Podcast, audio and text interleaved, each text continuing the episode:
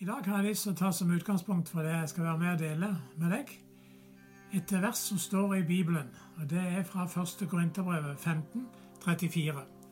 Og Der står det på den måten Våkn opp av rusen for alvor, og synd ikke. Noen av dere kjenner ikke Gud. Det er en skam for dere at jeg må si det. Her er det Paulus roper til en menighet som eh, var i byen Korint, og han sier 'våkn opp' og synd ikke. Og så sier han at noen av dere kjenner ikke Gud. Det er egentlig en skam at jeg må si det til dere. Jeg har vært kristen i mange år, og jeg har en nød i mitt hjerte for mennesker. At de kan få lov til å oppleve kraften i evangeliet. Og det er klart at Evangeliet har ikke bare med dette livet å gjøre. Bibelen er en bok som handler om alt fra skapelsen til enden.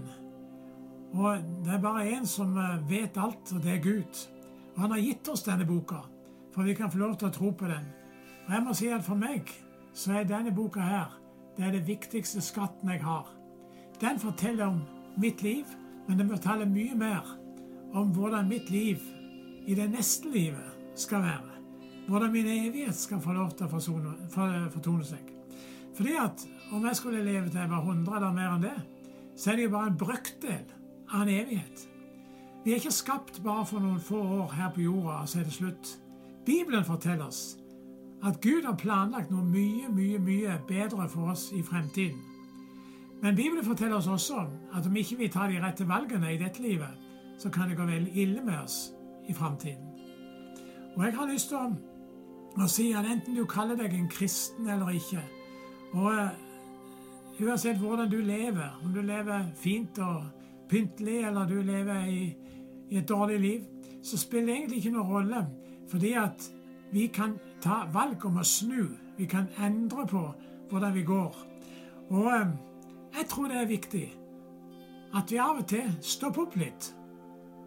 Og så tar vi og tenker igjennom er jeg klar for evigheten. Er jeg klar for det neste livet? Her er min sak i orden, sånn at det blir en god tid for meg. Og eh, når Paulus skriver til menigheten der i Korint, så kaller han de at dere som er helliget i Kristus Jesus. Altså det var de som kalte seg kristne. De var en menighet. Og eh, så sier han, som jeg sa fra begynnelsen, altså, han sier at noen av dere kjenner ikke Gud. Når Jesus han snakker veldig mange ganger om det som kommer etter. Han sier at denne, dette livet her det kommer til å ta slutt en dag. Er dere da klar?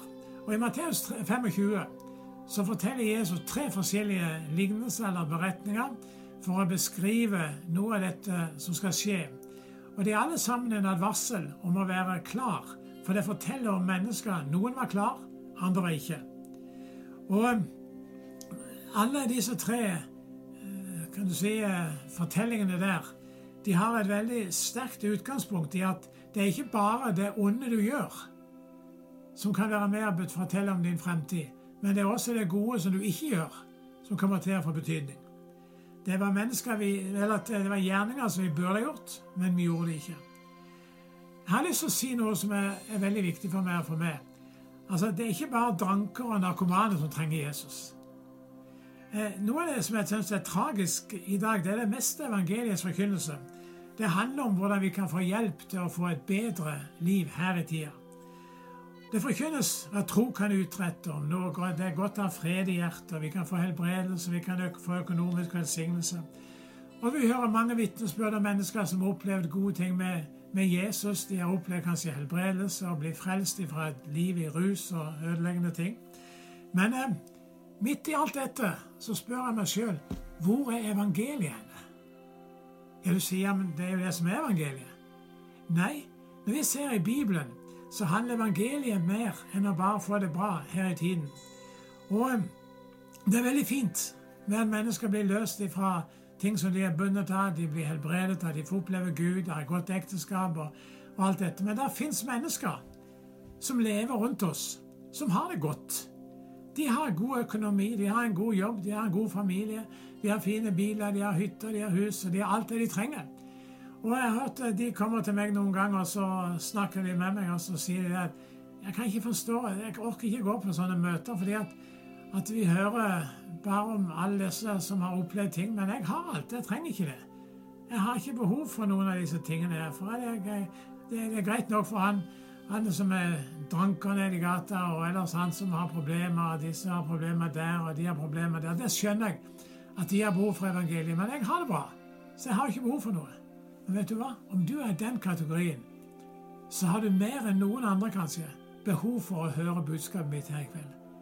For det, det som er viktig å skjønne, det er at vi er ikke skapt bare for dette livet. Du vet, Evangeliet handler om noe annet enn bare dette livet. Hva er evangeliet, sier du? Altså, Veldig mange har hørt om Johannes 3, 16. Og det er jo veldig kjent vers. Det står for så høyt har Gud elska verden, at han ga sin sønn den enbårne, for at hver den som tror på ham, ikke skal fortapes, men ha evig liv. Altså, Det var det det snakk om. Ikke skal fortapes, men ha evig liv. Og Vi må bare se i øynene at evangeliet handler ikke om hvordan vi kan få et bedre liv her. Den handler om hvordan vi kan få et evig liv. Og slippe å oppleve den tragiske fremtiden som det blir for noen. Og jeg må si at Dette budskapet som Jesus hadde, det setter alle mennesker i samme kategori. Uansett hvordan du har det i dag. Og jeg, Det som jeg har lyst til å, å, å fortelle, det er at vi, evangeliet handler om å slippe Guds vrede. Jeg må si, du kan Gud bli vred? Ja, Gud er en hellig Gud, og Gud er en rettferdig Gud. Og han skal dømme mennesker en dag. Og Gud har gitt oss Bibelen for at vi skal få lære der hvordan vi kan leve på en måte slik at vi kan få en god evighet. For det evangeliet handler om at Jesus har åpna døren til en herlig framtid for oss etter dette livet. Du vet, eh, Vi la oss si fra begynnelsen her at våkne opp og synd ikke. Hva, hva, er, hva, er, det som er så viktig med dette med synd? Og noen spør ja, men hva er synd? Bibelen er veldig tydelig på hva som er synd. Altså, Synd er lovbrudd. Synd er å bryte de ti bud. Synd er å bryte, bryte Guds bud. Og når vi gjør det, så skal vi møte Han som dommer en dag. Og da er Han som en rettferdig dommer nødt til å dømme med den straff som Han sjøl har satt. Det er ikke våre egne lover i Norge eller andre, på andre måter. Det er Bibelens lover. Og hvis vi har levd i synd, så forteller Bibelen oss, Bibelen oss at vi går fortapt. Vi kommer til å havne i et evig helvete bort fra Guds åsyn. Jeg mener, det, det gråter mitt hjerte når jeg sier det. Fordi jeg ønsker ikke noen mennesker skal oppleve det så fryktelig. Men vet du hva? Det er en Gud som har skapt verden, som har skapt mennesker, og som kjenner både fortid og framtid, han har gjort det fordi han ønsker at vi skal få en framtid uten synd. Vi skal få en framtid hvor ikke noen gjør noe galt, i herlighet. Og, må, og han vil ikke tvinge mennesker inn i det. Han gir mennesker et fritt valg til dette.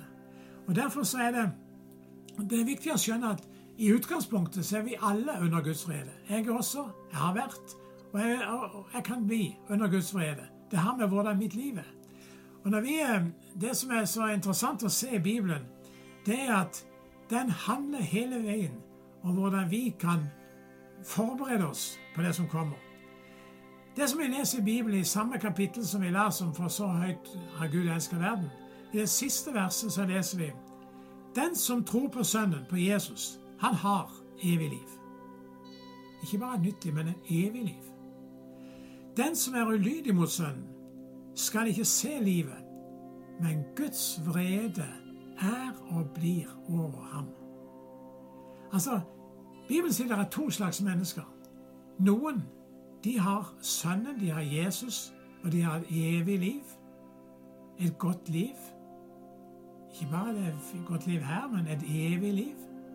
Den andre gruppen det er de som er ulydige mot Sønnen, mot Jesus. Og Der står det at de er og blir under Guds vrede. Det er ikke noe godt sted å være. Og du vet, Paulus han forteller om seg sjøl. I Efesene Efeserne 2,3 så sier han 'vi', altså han var inkludert.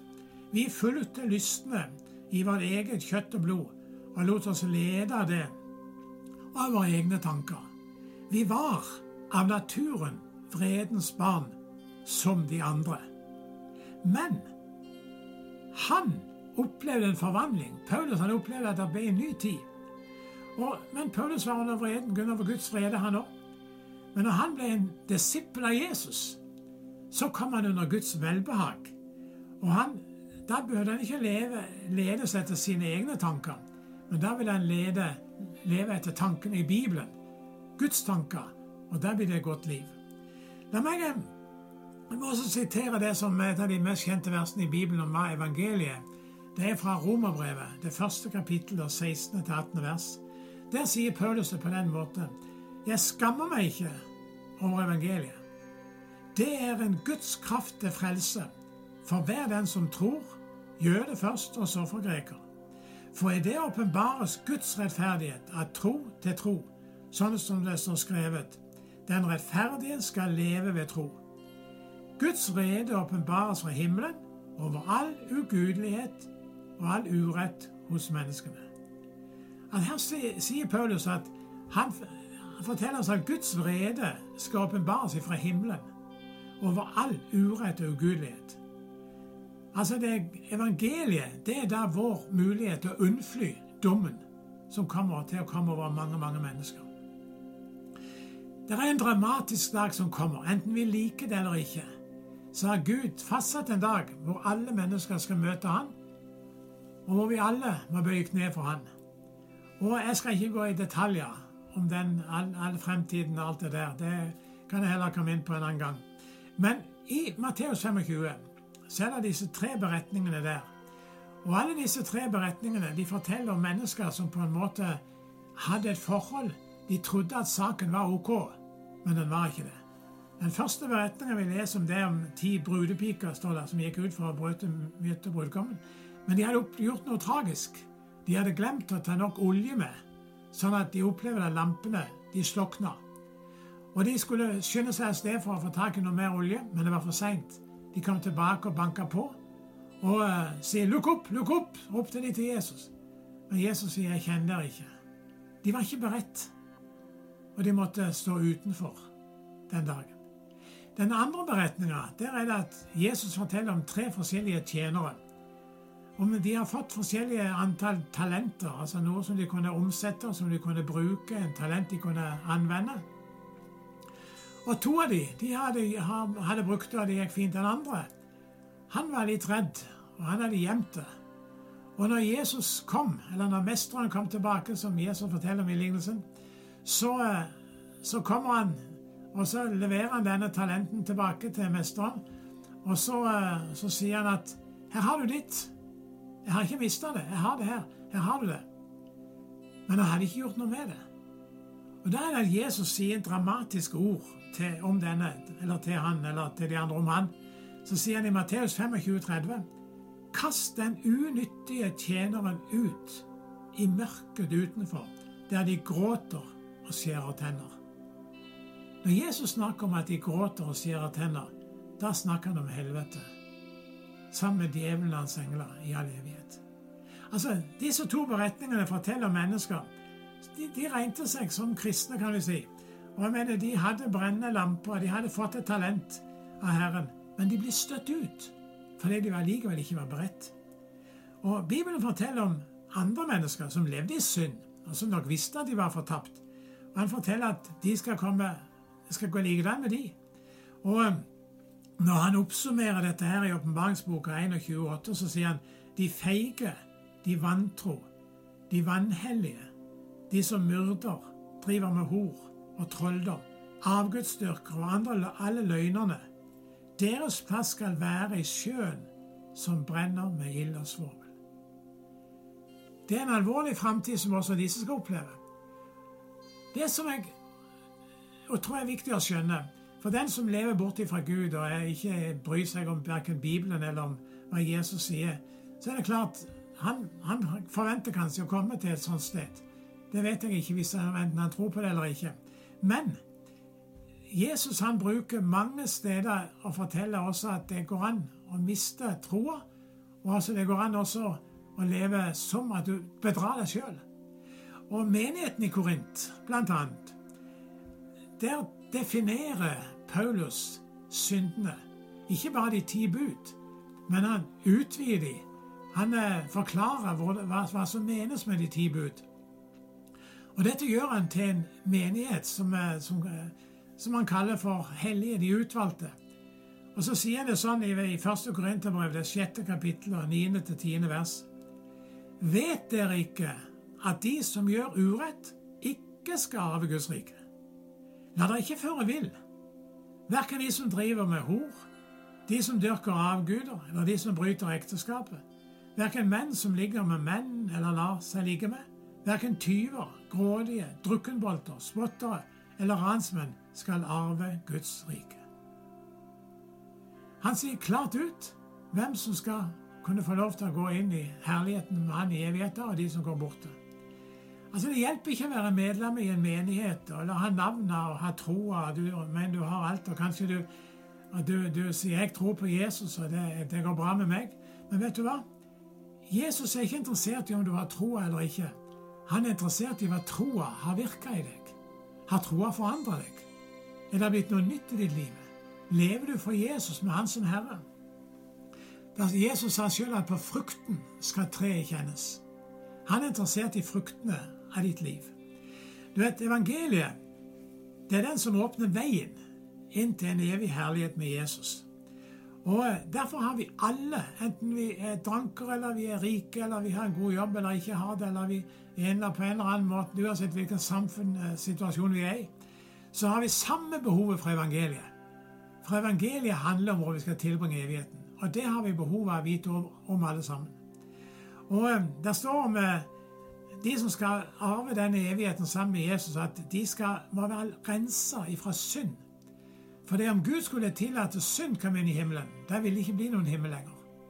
Derfor så må Gud finne en måte å rense mennesker ifra synd, for at de skal kunne komme dit.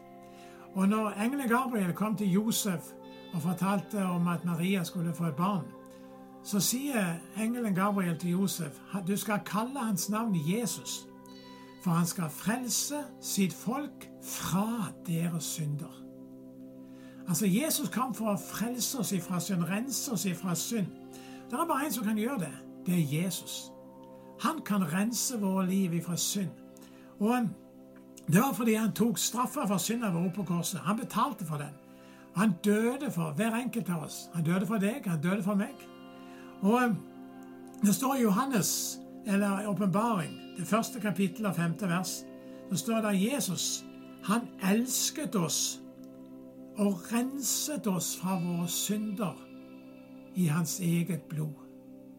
Det blodet av Jesus som rant på korset, det kan rense oss ifra vår synd, sånn at ikke lenger den har makt i våre liv. Det er bare Jesus som kan tilgi synd. Ingen andre. Og all synd som blir begått, den er egentlig imot Gud, imot Jesus. Og den, den betingelsen som han setter for at vi skal få lov til å få del i det eget liv, det er at vi vender oss bort fra synd.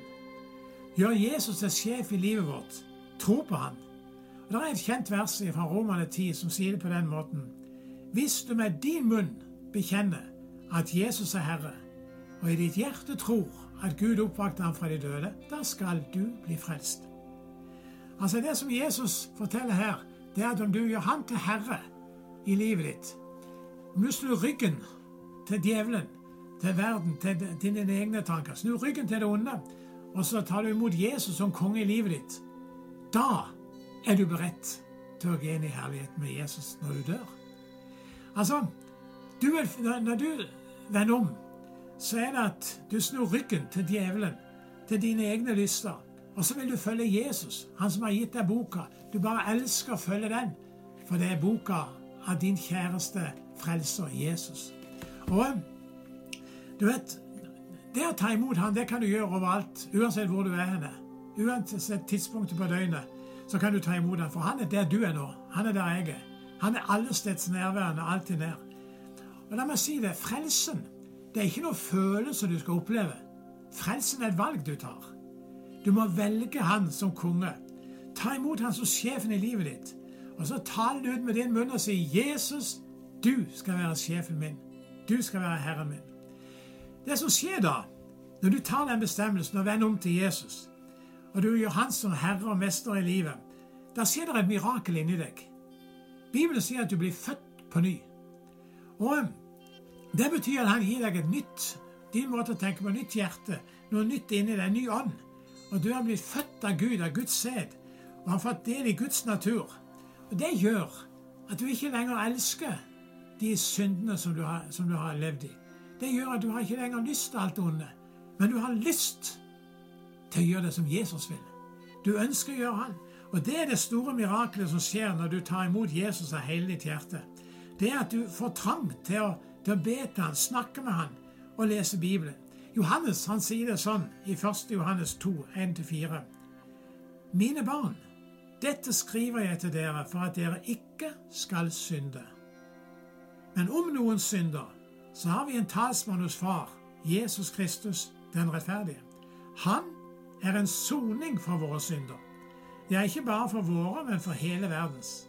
På dette vet vi at vi kjenner Han, nemlig at vi holder Hans bud. Den som sier 'jeg kjenner han', men holder ikke hans bud, han er løgner, og sannheten er ikke han. Tenk det å oppleve å bli født på ny og komme inn i Guds familie. Tenk å bli, kunne bli Guds barn, han som har skapt det, skapt menneskene, skapt hele verden. Tenk å kunne bli hans barn. Det er det mulige som skjer når du blir født på ny inn i hans familie. Du får barnekår hos han. Johannes sier videre i det tredje kapittelet, andre vers. Mine kjære, nå er vi Guds barn. Og det er ennå ikke åpenbart hva vi skal bli. Men vi vet at når Han åpenbarer seg, da skal vi bli ham lik. For vi skal se ham som han er. Det blir en fantastisk dag. Og vi får lov til å være en del av hans familie. Tenk på det. Paulus sier det sånn i Romerne 8, 17. Hvis vi er barn, da er vi også arvinger. Guds arvinger. Kristi medarvinger så sant vi lider med ham, for at vi også skal bli herliggjort sammen med ham. Tenk at du kan bli Jesu bror. Du kan bli medarving med Jesus i Guds rike.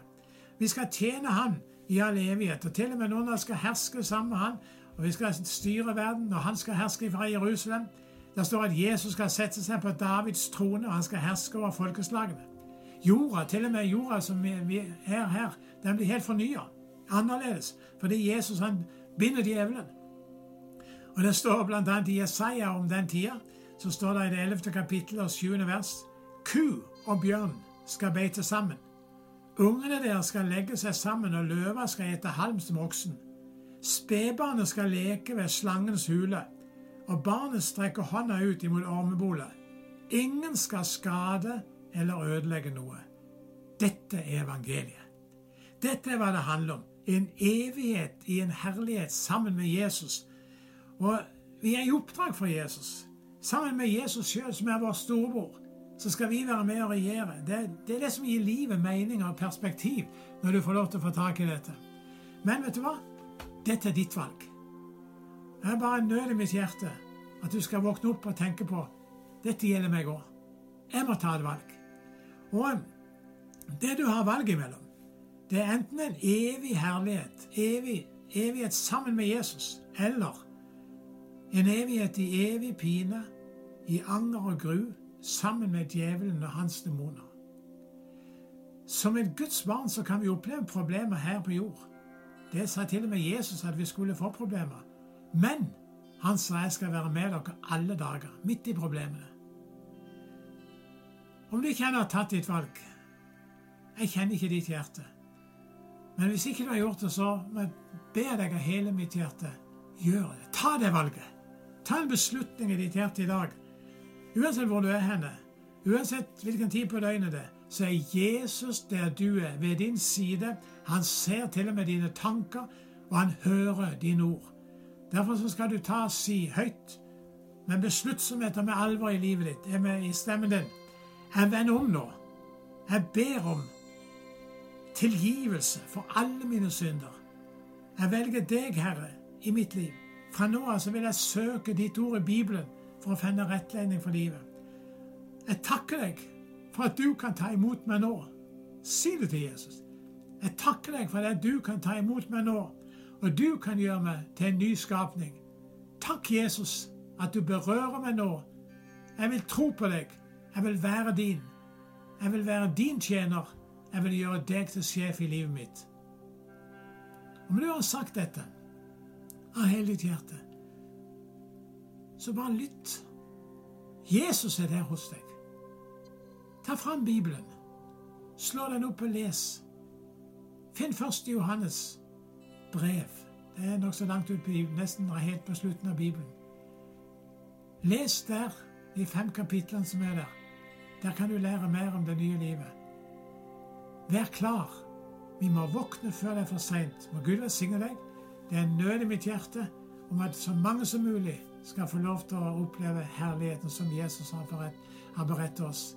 Han gjorde alt for å redde oss. Og jeg ønsker å si ja til deg hele mitt hjerte.